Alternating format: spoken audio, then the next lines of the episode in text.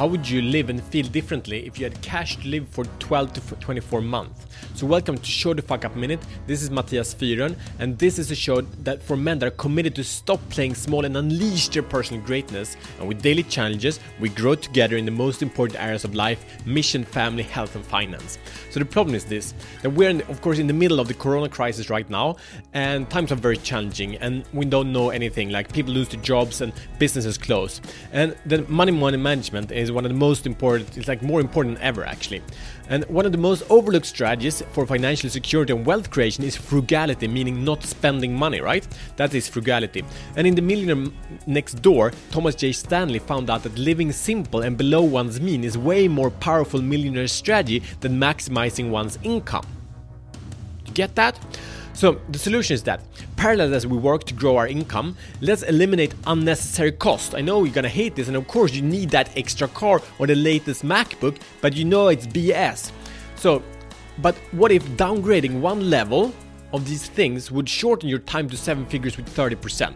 So here's the challenge, this is real. Get to this. Number one, list all your costs. So we have two kinds of costs. First is fixed costs such as housing, insurance, childcare, etc. That's fixed costs. And then we have second part is variable costs such as food, travel, entertainment, and so on. So list all these costs in two different columns, okay?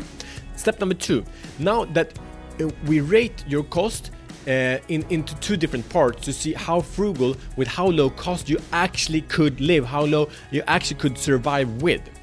So give each cost a rating from 1 to 5 in level of necessity. Do you actually need this? So would you survive without it? If it's a hell yeah, it's a 1, so give that cost a 1. And if it would be impossible to survive without that cost, give it a 5. So do it now. And when done, we go into the second rating.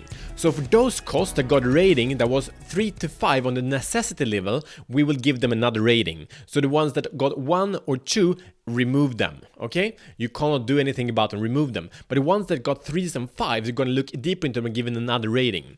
So give each cost a rating from one to five in level of quality needed. So that means would you make it with lesser quality or quantity of these things like go from two to one car go to five to four cars could you decrease the amount of food or whatever i don't know right so if you could survive with much lesser quality quantity give it a one and if you could definitely not lower the quality quantity give it a five so now we have two amazing ratings. And now with the ones that got a second rating that got 3 to 5 in the last grading start eliminating or lowering these costs now and add a checking date in your calendar right now in 30 days to check in on how much you have saved and see how much that will grow into in a year and a decade and so on.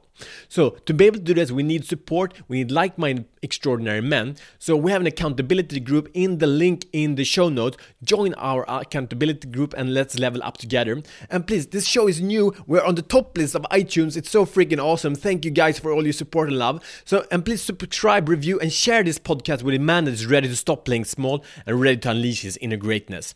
And really, you might need to listen to this a couple of times with instructions. This is massive. It will take you to own your life, own your fundamentals, and by doing that, you can level up infinitely. So, see you tomorrow as better men.